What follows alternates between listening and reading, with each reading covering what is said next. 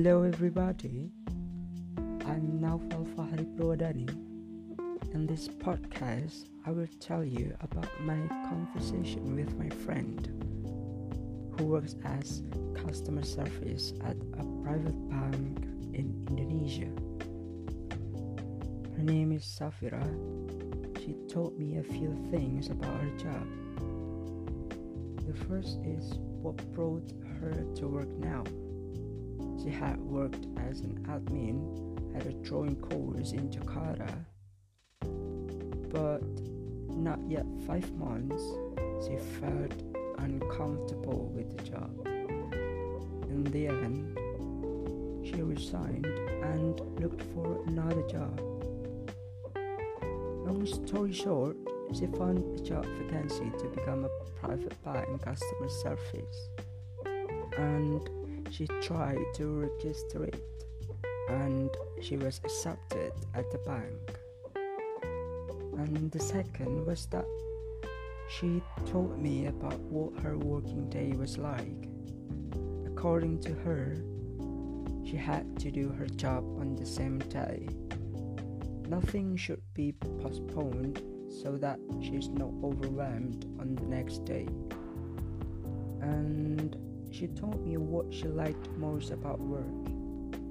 She likes to work as customer service because she meets many people, various characters, and she was happy to help with their problems.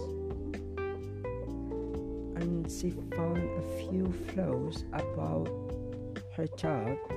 For example, she sometimes had trouble getting time off especially if the bank was crowded with customers. And she gave a message to anyone interested in working like her. There are no special skills to work as customer service for a bank.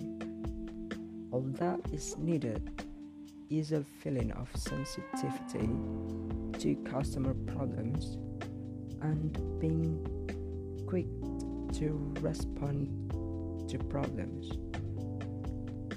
And it will definitely be given training. She wants in his current career to try her best to help all her customers so as to give a good impression of herself and the company where she works.